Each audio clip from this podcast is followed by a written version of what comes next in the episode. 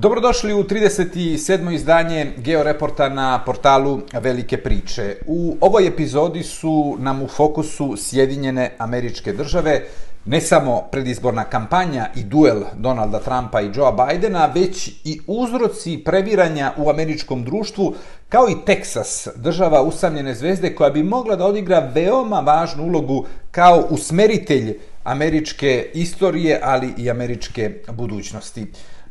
Donald Trump je žedan osvete.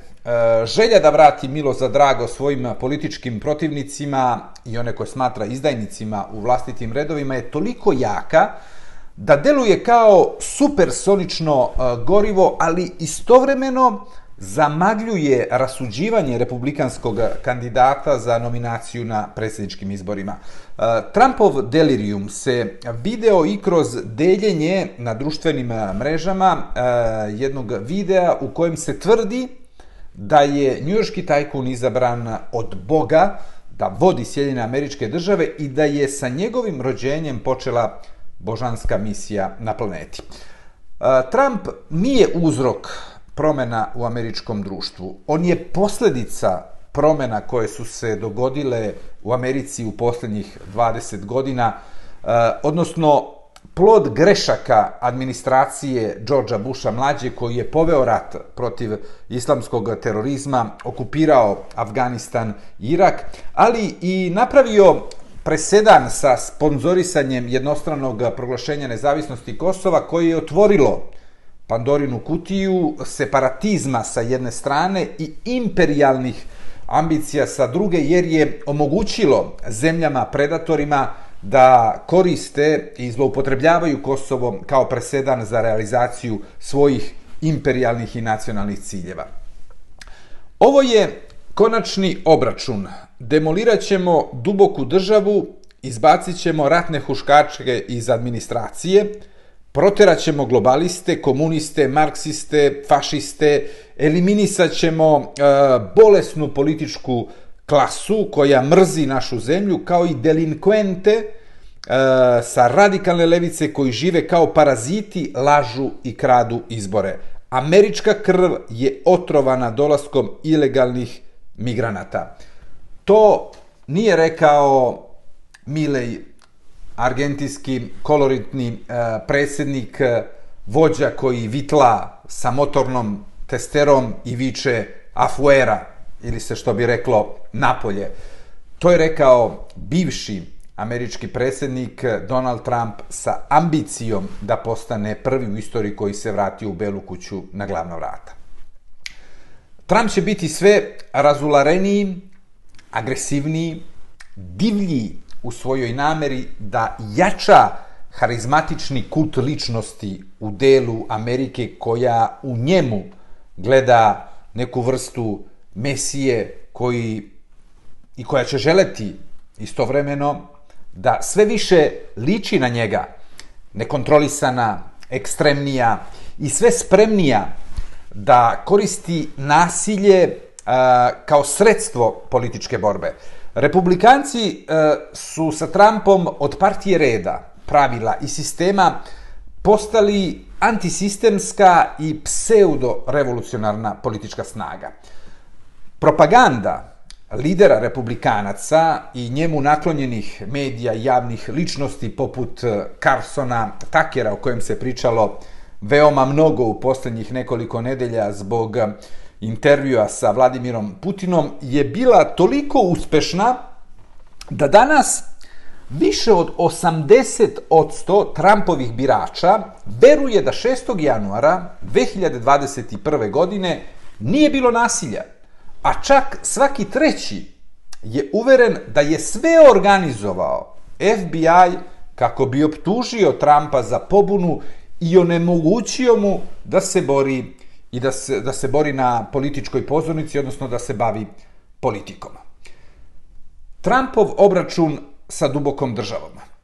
Donald je naučio lekciju iz svog prvog mandata u Beloj kući i sprema se da zada smrtonosni udarac takozvanoj dubokoj državi ili stabilnoj državi koja ga je po njegovom mišljenju sprečila da realizuje svoje ideje i ukrala mu pobedu na izborima 2020. godine. E, namera Trumpa i njegovih saradnika je da prevrnu astal, da se slikovito izrazimo, i upotrebe ovoga puta institucije, vlast i moć koju ima predsjednik Sjedinjih američkih država za kreiranje Amerike po njihovoj slici i prilici.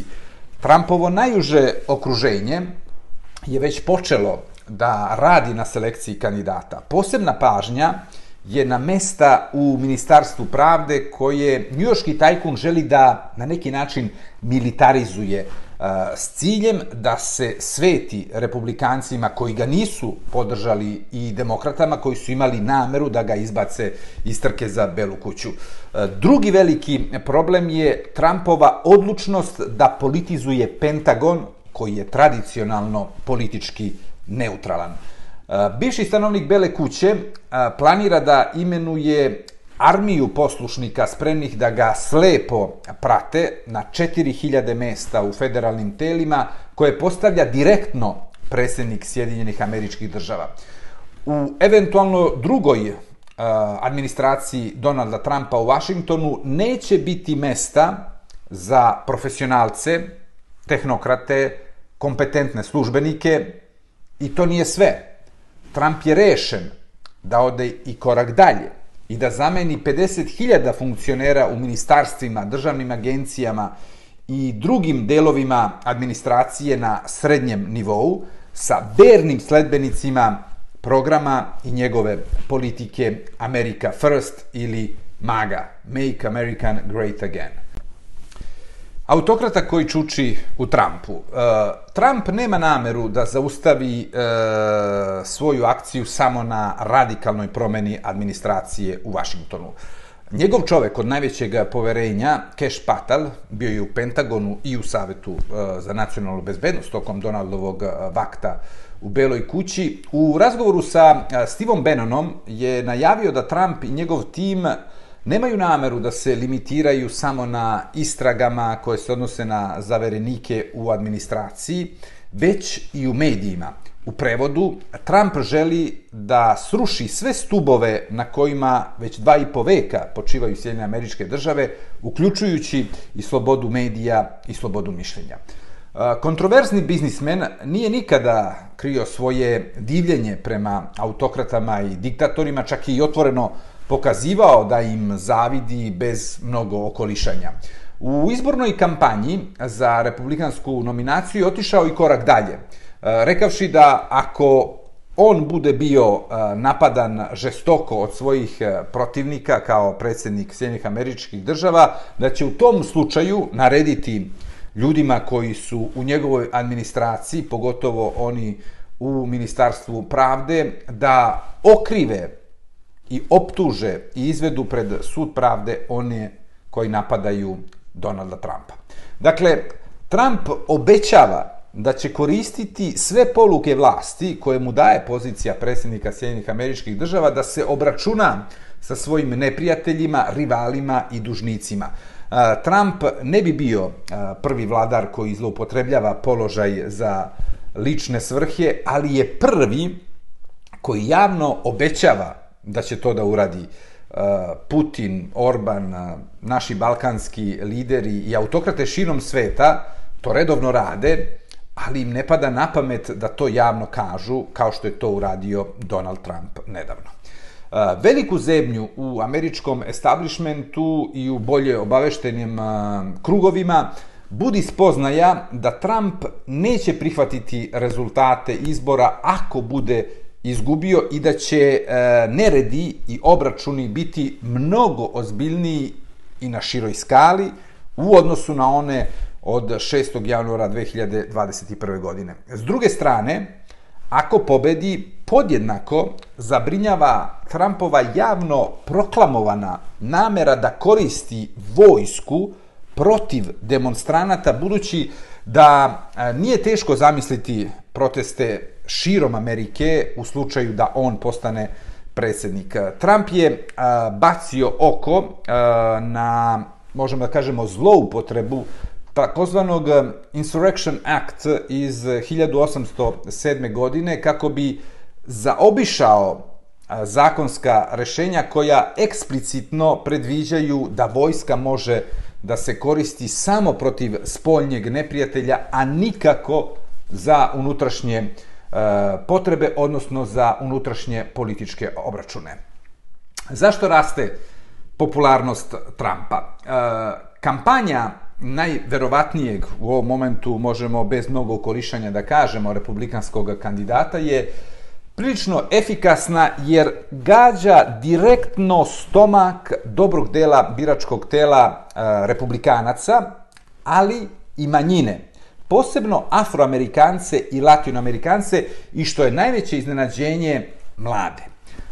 Trump insistira na pitanjima migranata, zatim borbe protiv kriminala, inflacije i gubitka kupovne moći na domaćem planu, dok na spoljno-političkom najavljuje povratak američkog izolacionizma. Praktično, Amerika će svuda smanjiti svoj angažman, osim u odnosima vizavi sa Kinom i posledično, dakle, na Pacifiku. Popularnost bivšeg predsjednika posebno raste među afroamerikancima. Predviđa se da bi mogao da osvoji između 15 i 30 odsto glasova afroamerikanaca, što je značajno više od 8% koliko je dobio na izborima 2020. godine. Glavni motivi su migranti, inflacija i takozvani sitni kriminal. Dolazak novih migranata u najvećoj meri ugrožava poziciju afroamerikanaca i latinoamerikanaca jer pojačava konkurenciju za proste fizičke poslove gde dobar deo njih je na tržištu rada. Inflacija i skupo gorivo na pumpama najviše pogađaju ljude koji zarađuju manje od 50.000 dolara godišnje, a u toj grupi su najzastupljenije upravo manjine. Na kraju, afroamerikanci i latinoamerikanci žive u kvartovima gde se najviše osjećaju posljedice mikrokriminaliteta i zbog toga su oni najviše izloženi negativnim e, efektima tog eh, fenomena. Trumpov paradoks – Put Donalda Trumpa ka Beloj kući neće biti popločan i neće biti tako triumfalan kako bi pojedinci hteli to da predstave. Naprotiv. Uh, on je jedini republikanski kandidat kojeg pospani Joe Biden može da pobedi. Uh, najstariji predsjednik u američkoj e, istoriji ne bi imao primjera radi ni minimalne šanse protiv Nick Haley, ali protiv Trumpa još uvek ima određeni broj karata koje može da odigra. Najveći problem Trumpa nije Biden, već sudski procesi. Kao i činjenica da nije uspeo da osvoji srca tradicionalnog, liberalno, konzervativnog biračkog tela republikanaca. Trump je prvi kandidat koji cepa biračko telo slonova, odnosno proizvodi takav animozitet da njegovi protivnici unutar republikanske familije ili neće izaći na glasanje ili će dati poverenje protiv kandidatu e, demokratskom kogod to bio. E, pomenuta karakteristika je bila u e, prošlosti obeležje demokrata, dok su republikanci, sve do pojave Trumpa, bili poprilično disciplinovani i stajali su listom iza kandidata koji je pobeđivao ili koji je pobedio na stranačkim preliminarnim izborima. Podsjetimo, posle ubistva Bobija Kennedyja 1968. godine, deo demokratskog biračkog tela je želeo da vidi Eugina McCarthyja kao kandidata, a ne uh, Huberta Humphreya razočarani izborom Humphreya, određeni procenat demokrata nije izašao na izbore i uh, Richard Nixon je pobedio. Slična stvar se dogodila i kada je Hillary Clinton Eh, pobedila Bernija Sandersa na preliminarnim izborima 2016. godine, a kasnije značajan broj Sandersovih eh, birača nije podržao Clintonovu na biralištima i tako je Trumpu eh, širom otvorio vrata Bele kuće. Ove jeseni bi sličan scenario mogao da se ponovi, ali na štetu republikanaca. Svaki peti republikanac neće glasati za Trumpa u nijednom mogućem scenariju, dok čak 25% republikanskih glasača ne bi dalo poverenje a, Trumpu ako bude osuđen u jednom od četiri procesa koji se vode protiv njega. U tom kontekstu za Trumpa su fundamentalno važni takozvani nezavisni glasači. Neskrivena iritiranost Trumpa odlukom Nikki Haley da se ne povuče iz trke za republikansku nominaciju je u dobroj meri prouzrokovana gubitkom dragocenog vremena za zbijanje redova republikanaca i približavanje Trumpovo i njegove kampanje takozvanim nezavisnim glasačima. Zašto je Trump kivan na Nikki Haley? E, nikada se nije dogodilo da republikanac koji pobedi na preliminarnim izborima u Iowa i New Hampshireu ne dobije na kraju nominaciju da trči za Belu kuću. Međutim, Trump bi mogao preskupo da plati te dve pobede ako Haley ostane do kraja na poprištu. Bivša ambasadorka Sjedinjenih američkih država u Savetu bezbednosti Ujedinjenih nacija bi bila idealna za ulogu kandidatkinje za potpredsjednicu e, Amerike na republikanskom tiketu sa Trumpom. Ali, da bi se taj scenario realizovao, e, potrebno je da ona što pre izađe iz trke za republikanskog kandidata. Sa svakim dodatnim danom izborne kampanje jaz između Trumpa i Haley postaje sve veći. E, tim pre što je Donald sklon paranoičnim stavovima i mislima i već optužuje bivšu ambasadorku da radi za račun takozvane duboke države sa jedinim ciljem da mu naudi i spreči ga da se vrati u Belu kuću. Haley e, ne želi da se preda jer se nada da bi posle izlaska DeSantisa i drugih republikanskih takmaca u obračunu jedan na jedan sa Trumpom mogla da iznenadi e, sve početkom marta kada je na programu takozvani super utorak i republikanski e, preliminarni izbori u 15 država. E, Haley igra na kartu republikanaca, nezavisnih konzervativaca koji se ne mire sa Trumpovom nominacijom. Takođe, želi da bude u igri u slučaju da Trump iz ovih ili onih razloga bude sprečen da učestvuje u trci za Belu kuću, između ostalog i zato što bi, zahvaljujući velikoj podršci takozvanih nezavisnih e, kandidata, bukvalno raznela Bajdena 5. novembra. Paradoksalno, koliko bi Haley bila favorit prvog utorka u novembru, toliko je outsider u borbi za republikansku nominaciju i praktično njene šanse da bude republikanski kandidat su svedene na minimum. E, Trump drži Bajdena u životu. E, Joe Biden je i dalje kandidat demokrata na predstojećim predsjedničkim izborima samo zato što je više nego izvesno da će Trump biti na drugoj strani barikade i da demokrate ne bi mogle da se dogovore oko alternativnog kandidata na predstojećim predsjedničkim izborima. E, paradoks je da je Trump jedini republikanski kandidat e, koga Biden može, uprkos svemu, i dalje da pobedi 5. novembra. E, protiv Nikki Haley, e, aktuelni predsjednik bi rizikovao da doživi ubedljivi poraz od Georgia McGoverna protiv Nixona 1972. godine. Slikovito rečeno, Haley je smrtonosna za Bajdena, Trump je smrtonosan za Ameriku. Američki predsjednik priželjkuje uh, Biden što bržu Trumpovu definitivnu nominaciju, ne samo zbog toga što bi ona cementirala Bidenovu poziciju kao kandidata demokrata, nego i zato što je uveren da će ozvaničenje kandidature Trumpa delovati galvanizujuće na demokrate, odnosno da će zbiti redove uh, oko njega i ujediniti sve frakcije od radikalne levice na istočnoj i zapadnoj obali do centrista i nezavisnih na uh, jugu i takozvanom srednjem zapadu. Uh, Biden je najnepopularniji predsjednik Sjedinjenih američkih država na kraju prvog mandata. Njegova stopa odobravanja u biračkom telu je na istorijskom minimumu i e, varira između 35 i 38 odsto, do čak 55,5 građana sad ima negativno mišljenje o e, 80-godišnjem e, čoveku na čelu Sjedinjenih američkih država. Zašto Biden može da izgubi izbore?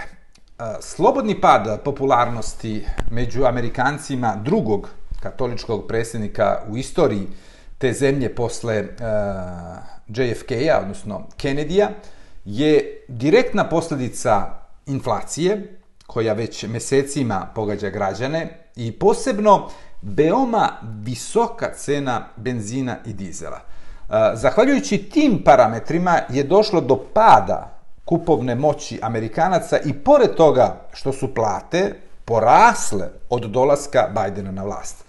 Eh, pre četiri godine Biden je osvojio 70% glasova Amerikanaca koji nisu bili belci.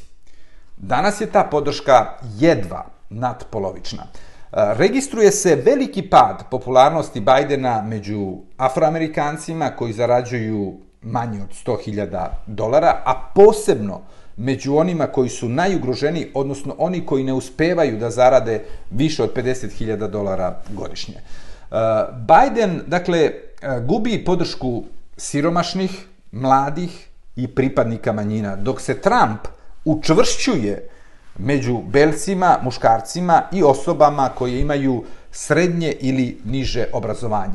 Novitet je da Trump uzima Bidenu čak i glasove među mladima, afroamerikancima i latinoamerikancima, dakle u onim grupacijama koje su trebale da budu tvrdo jezgro Bidenovog biračkog tela. Na početku izborne kampanje Biden je napravio seriju grešaka. I to se uglavnom su bili proizvodi, možemo da kažemo, pogrešnih procena. Najveća je ta što je igrao na kartu ekonomskih rezultata. Šta više, on i njegovi savjetnici ne razumeju kako je moguće da građani ne cene dovoljno što Amerika sa ekonomske tačke gledišta, dakle makro, makroekonomske i to valja podvući, nije stajala nikada bolje u svojoj istoriji, pogotovo ako se uporedi sa glavnim rivalima, sa Kinom, ali također i sa saveznicima, odnosno sa državama Evropske e, unije. E, na tržištu rada nije bilo nikada tako malo nezaposlenih. Plate radnika, kao što smo rekli, rastu. Reindustrializacija Amerike je u punom jeku, kao i tranzicija ka ekološki održivoj industriji, a i berza proizvodi profite gotovo kao u najboljim danima. Uh, radnička klasa, ne samo belci, već i afroamerikanci, latinoamerikanci i azijati su skloni da daju poverenje Trumpu, a ne Bidenu, jer ekonomski makro rezultati, kada se prevedu na svakodnevni život, ni izbliza nisu tako pozitivni i primamljivi kao kada ih gledate na papiru. Uh, Bajdena su počeli da napuštaju mladi i obrazovani uh, iz prostog razloga što više ne veruju njega. Delimično, naravno, zbog proizraelske pozicije Vašingtona na Bliskom istoku, zamorom takođe od planetarnog hegemonisanja, odnosno uloge planetarnog hegemona i još više zbog inflacije i pre svega gubitka kupovne moći i pooštrenih uslova za dobijanje kredita, a upravo su te grupacije one koje su najzainteresovanije za tu vrstu usluga, odnosno one trpe najveće posljedice u promenama u tim segmentima. Biden, kada je shvatio koliko je njegova politika, izborna kampanja u stvari bila pogrešna, je promenio poču i sada cilja otprilike tri teme u izbornoj kampanji. Trump je opasnost po demokratiju, prava žena i posebno pitanje abortusa. Napustio je dakle u potpunosti početni plan da se čitava izborna kampanja bazira na ekonomskim dostignućima nazvanim Bidenomics i konstruisao novu kampanju na pitanju da li je demokratija i dalje sveta u Americi. Uloga klana ili bračnog para Obama. E, među demokratama je e, sve raširenija nada da će Biden u jednom momentu odlučiti da se povuče iz predsjedničke trke uz neki uverljiv izgovor poput e, zdravlja ili zamora i redko ko bi mogao nešto da kaže protiv imajući objektivno e, zdravstveno i stanje i kondiciju predsjednika jer smo vidjeli da mozak više ne funkcioniše kao što bi trebalo, mada ne bi bio e, Biden prvi dementni e, predsjednik Sjedinjih američkih država, jer Ronald Reagan je, kad je izabran drugi put, kao sada i Biden, već imao jasne znake demencije i to se samo vešto krilo, možda je to 80. godina, ne možda, nego sigurno je bilo mnogo lakše sakriti nego što je to danas. E, Michelle Obama uživa veliku E, popularnost, ne samo među afroamerikancima i manjinama, već i u takozvanom progresivnom delu društva i jedna je verovatno od redkih figura koje bi e, mogle da objedine taj čitav arhipelag američke levice, e, E, zatim centra i takozvanih e, nezavisnih birača, e, kao i sve etničke grupe i rasne. Činjenica da je konvencija Demokratske partije zakazana za drugu polovinu avgusta u Čikagu, rodnom gradu Michel i varoši u kojoj je Barack Obama lansirao svoju političku karijeru, može da ima i simboličan, ako hoćete, i sudbonosni i eksplozivni efekat na izbornu kampanju i na dalju budućnost Demokratske partije, e, između ostalog i zato što imamo još uvek e, praktično pola godine do tog momenta. Kredibilnost eventualnoj kandidaturi nekadašnje prve dame Sjedinih američkih država dao je njen nastup u jednom podcastu Eh, u kojem je eh, Michelle eh, bukvalno rekla da se naježi od straha od onoga što može da se dogodi 5. novembra kada su na programu predsjednički izbori.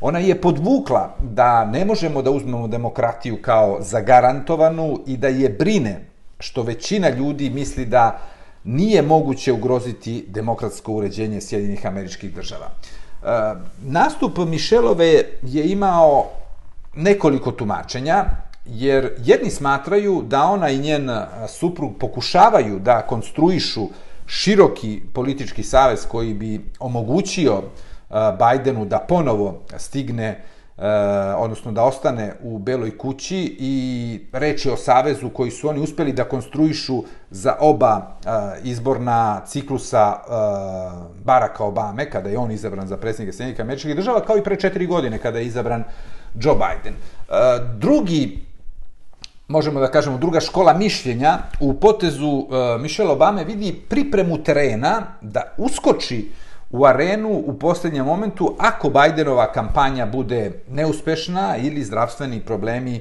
uh, budu toliko veliki da primoraju predsjednika da se povuče. Moguće je, E, znate, da su istinite i jedna i druga teorija, odnosno jedno i drugo tumačenje, e, jer e, nije isključeno da familija, odnosno porodica Obama želi da pomogne ne toliko Bidenu koliko demokratskoj stranci i da spreči povratak Trumpa u Belu kuću, kao što istovremeno verovatno eh, razmišljaju i o nekoj alternativi. Eh, formalizacija eh, kandidature Obame bi mogla da bude čuvana također sve do posljednjeg momenta, odnosno do konvencije u Čikagu, kako bi Trumpova mašina za blaćenje protivnika imala dakle manje prostora i manje vremena da se razmahne. Bračni par Obama i bračni par Biden nisu u dobrim odnosima. Eh, e, aktuelni predsjednik i dalje nosi, možemo kažemo, malo više jeda u sebi zbog odluke eh, Baraka da podrži Hillary Clinton u trci za Belu kuću 2016. godine. I posljednji sastanak eh, nekadašnjih bliskih saradnika u Beloj kući nije prošao dobro. Obama je dao seriju saveta za poboljšanje izborne kampanje koje Biden nije doživeo kao dobronamerne e, savete, već kao nametanje, mada dobar deo tih saveta, barem po onome što je usledilo posle tog sastanka, je izgleda e, indirektno prihvaćen ili barem uzet u razmatranje. E, pored Michelle Obame, mogući alternativni kandidati demokrata su potpredsjednica Kamala Harris, e, guverner Kalifornije Gavin Newsom, e, guvernerka Michigana e, Gretchen Whitmer, guverner Kentakija Andy Beshear.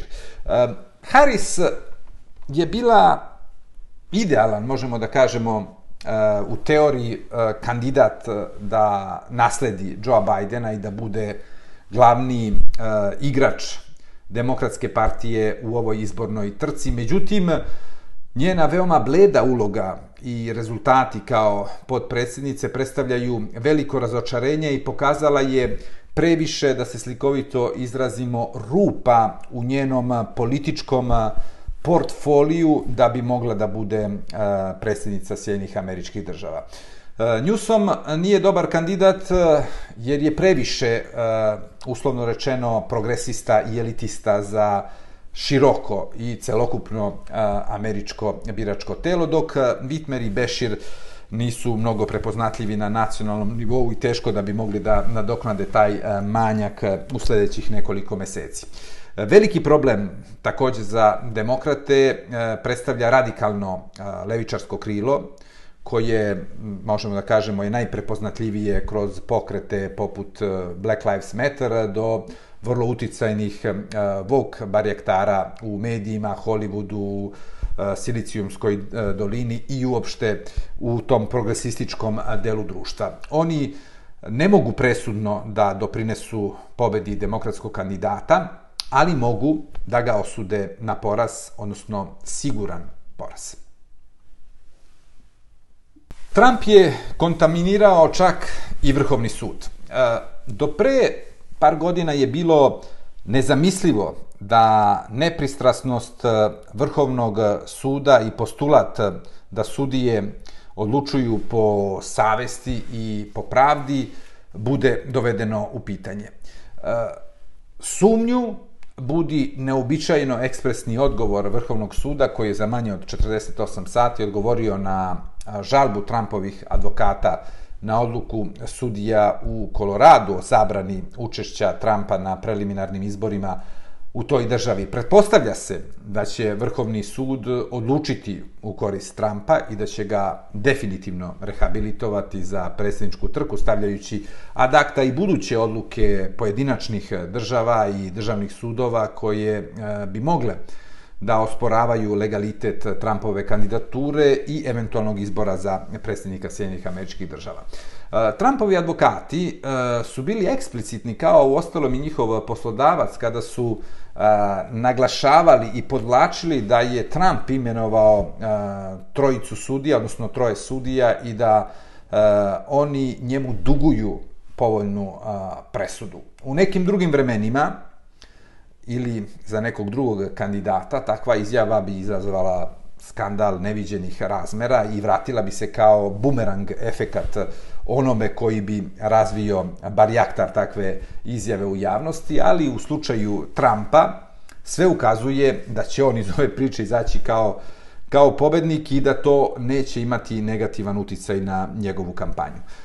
Činjenica da Vrhovni sud e, nije nepristrasan i da sudije rade pod političkim pritiskom, odnosno da ne odlučuju po savesti i pravu, već po političkom dugu između znaka navoda, e, prema predsjedniku koji ih je imenovao ili prema političkoj porodici koja ih je imenovala, predstavlja zaista veliki šamar za demokratiju i njenu kredibilnost, pogotovo što dolazi iz zemlje koja je, možemo da kažemo, simbol zapadne demokratije. E, slučaj e, vrhovnog sudije Clarensa Tomasa je veoma indikativan. Reč je o sudiji kojeg je izabrao George Bush e, stari pre 30 i kusur godina. On je ultrakonzervativac i njegova supruga, Ginny Thomas, je učestvovala direktno u Trumpovoj kampanji osporavanja Bidenove pobede 2020. godine. Dakle, reč je o klasičnom primjeru konflikta interesa zbog kojeg bi Tomas morao sam da traži izuzeće. Njemu naravno nije palo na pamet da to uradi. I to je pokazatelj koliko je Amerika otišla u pogrešnom smeru i da Trump nije uzrok, kao što smo rekli na početku ovog našeg podcasta, već posljedica promenjene klime od Njujorka do Los Angelesa, koja ugrožava uh, E, ne samo demokratiju u Sjedinim američkim državama, već i u ostatku zapadnog sveta, budući da sve one zavise više ili manje direktno od američke demokratije. Pitanje migracija. U demokratskoj stranci su e, svesni da je mnogo veća opasnost da e, Joe Biden izgubi izbore zbog migrantske krize i nesposobnosti federalnih vlasti da kontrolišu južnu granicu Sjedinih američkih država, nego zbog ruske invazije na Ukrajinu ili rata Izraela protiv Hamasa, ovih terorista na Bliskom istoku. Biden plaća visoku cenu kompromisa sa radikalno levičarskim krilom demokratske partije, koji je oštro napadao sve četiri godine dok je Trump vodio administraciju u Vašingtonu, njegovu politiku prema migrantima. Rezultati su pred očima svih. U prve tri godine Bidenovog mandata u Sjedinjene američke države je preko Meksika ušlo više od 7 miliona ljudi, odnosno ilegalnih migranata. Više, e, čak tri puta više nego što je to bio slučaj za prve tri godine Trumpovog mandata u ovalnoj sobi. Novina je da su se na južnoj eh, granici Sjedinjenih američkih država između Meksika i Teksasa u posljednjih nekoliko meseci prvi put pojavili u većem broju imigranti iz Afrike i Azije, odnosno iz muslimanskih zemalja. I samo je u decembru prošle godine eh, preko te granice ušlo u Sjedinjene američke države preko 300.000 migranata iz Afrike, Azije i naravno iz zemalja Latinske Amerike. Guverner Teksasa, Greg Abbott, je u prethodnih nekoliko godina redovno slao ilegalne migrante u američke gradove pod upravom demokrata koji su se proglasili za sigurne luke ilegalnih migranata jer su odbijali da primene zakone koje je donela Trumpova administracija. Na taj način Eh, Abbott je eh, bacio, primjera radi, New York i Chicago na kolena, jer eh, se lokalne, jer su lokalne vlasti praktično potrošile sve resurse da bi zbrinuli izbeglice, ostajući tako bez novca za socijalne i druge programe namenjene najugroženijim porodicama, građanima i školskoj populaciji prestonica država New York i Illinois. Uloga Teksasa. Uh, u percepciji ostatka sveta tipičan Amerikanac je teksašanin, odnosno kauboj. Kada se na drugim meridijanima navija za nezavisnost Teksasa, verujući da će to oslabiti Sjedinjene američke države, prenebregava se činjenica da su separatističke težnje inspirisane stavom da u Vašingtonu nisu, barem po mišljenju Teksašana, dovoljno Amerikanci. Od ulaska u Američku federaciju, Teksas se prilično promenio i postao je neka vrsta laboratorije za shvatanje prošlosti i budućnosti Amerike.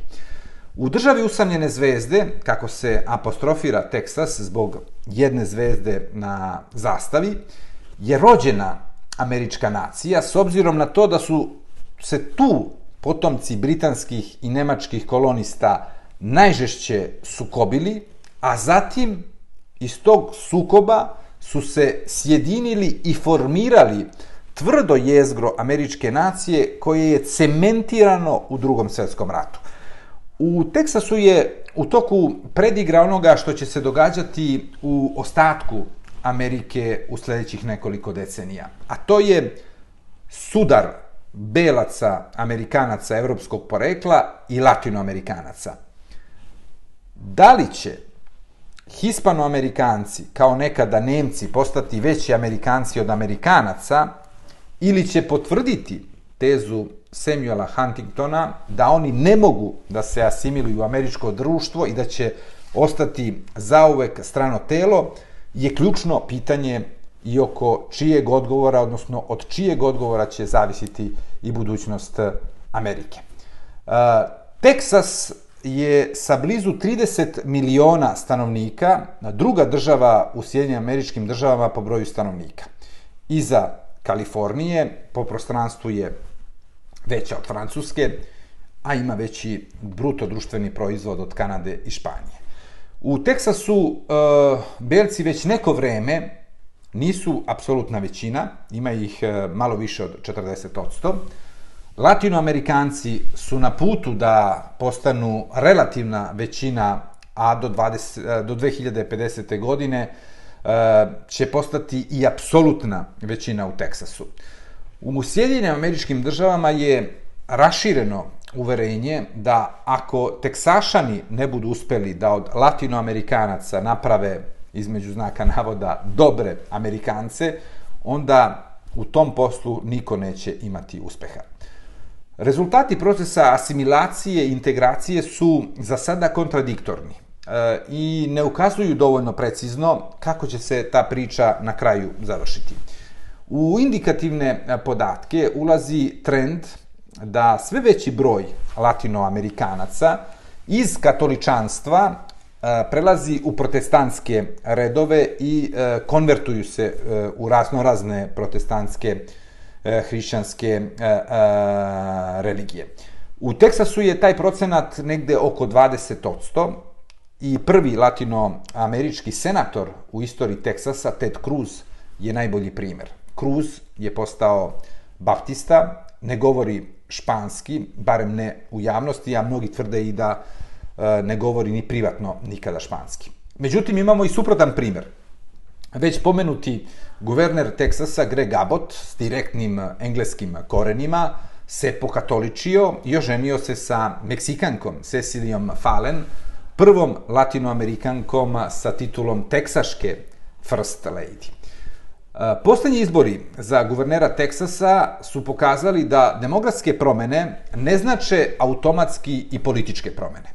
U posljednje tri decenije republikanci suvereno vladaju u državi usamljene zvezde i pored toga što belci više nisu apsolutna većina. Od 29 najvažnijih funkcija za koje se kandidati biraju na izborima, gotovo sve, osim jedne ili dve, su u rukama republikanaca. Takođe, Na predsjedničkim izborima država Teksas se nije obojila u plavo boju demokrata, već e, 40 godina. Poslednji demokrata koji je pobedio u državi usamljene zvezde bio je Jimmy Carter. Toliko u ovom izdanju Georeporta. Do sljedećeg slušanja i gledanja. Svako dobro.